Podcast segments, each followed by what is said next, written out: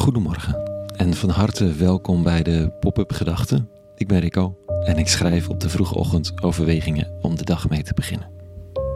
Vandaag met de titel Doen alsof je thuis bent. Pop-up Gedachten maandag 26 september 2022.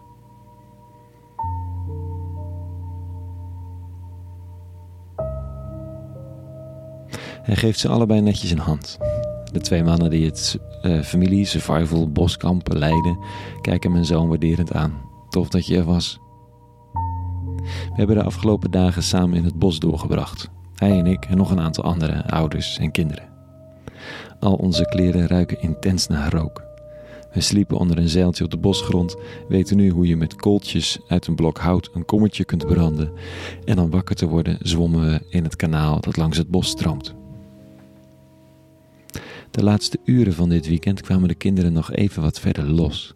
Ze klommen samen in een boom nadat een van hen een techniek gevonden had om die laagste takken te bereiken. Ze hielpen elkaar met schieten met de zelfgemaakte bogen. Ze voelden zich thuis. Dat duurt altijd even. Je kijkt de kat uit de boom of mengt je juist net te veel in het gesprek. Je moet je bewijzen of leunt juist op degene die je kent. Daar zit het dan in elk geval goed.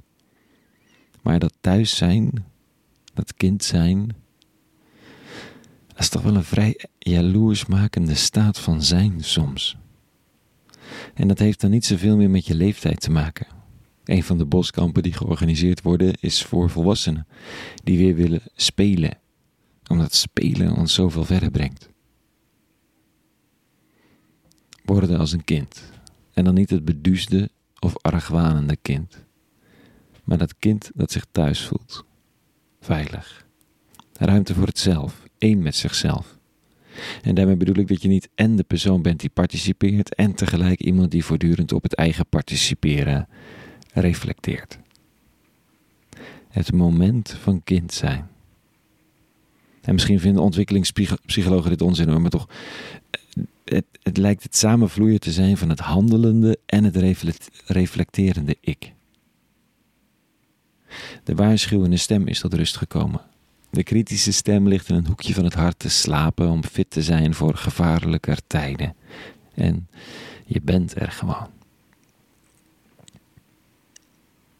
Vanochtend zegt Jezus dit tegen zijn leerlingen, volwassen mannen. Dit staat er.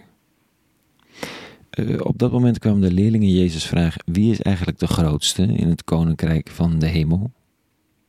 Hij riep een kind bij zich, zette het in hun midden neer en zei: ik verzeker jullie, als je niet verandert en wordt als een kind, dan zul je het koninkrijk van de hemel zeker niet binnengaan. Wie zichzelf klein maakt en wordt als dit kind, die is de grootste in het koninkrijk van de hemel. Tijd voor verandering dus. Voor thuis zijn in de wereld. Voor het oefenen van ruimte om niet de positie veilig te stellen.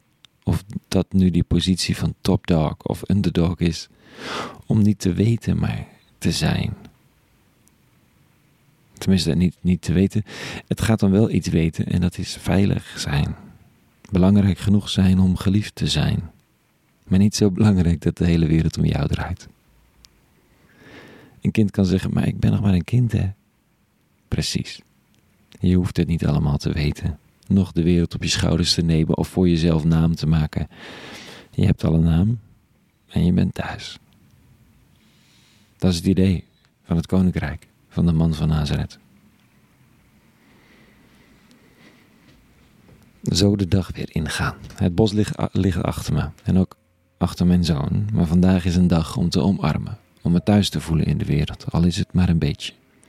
Met alle ingewikkelde en harde randen van het leven die schuren en pijn doen.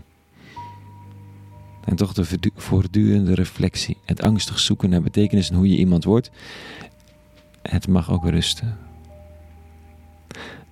Want de liefde die er is, die beschikbaar en aanwezig is en jou op deze wereld zetten, hangt al om je heen. Juist om wie je bent. Ook al vind je het soms ingewikkeld dat je bent wie je bent.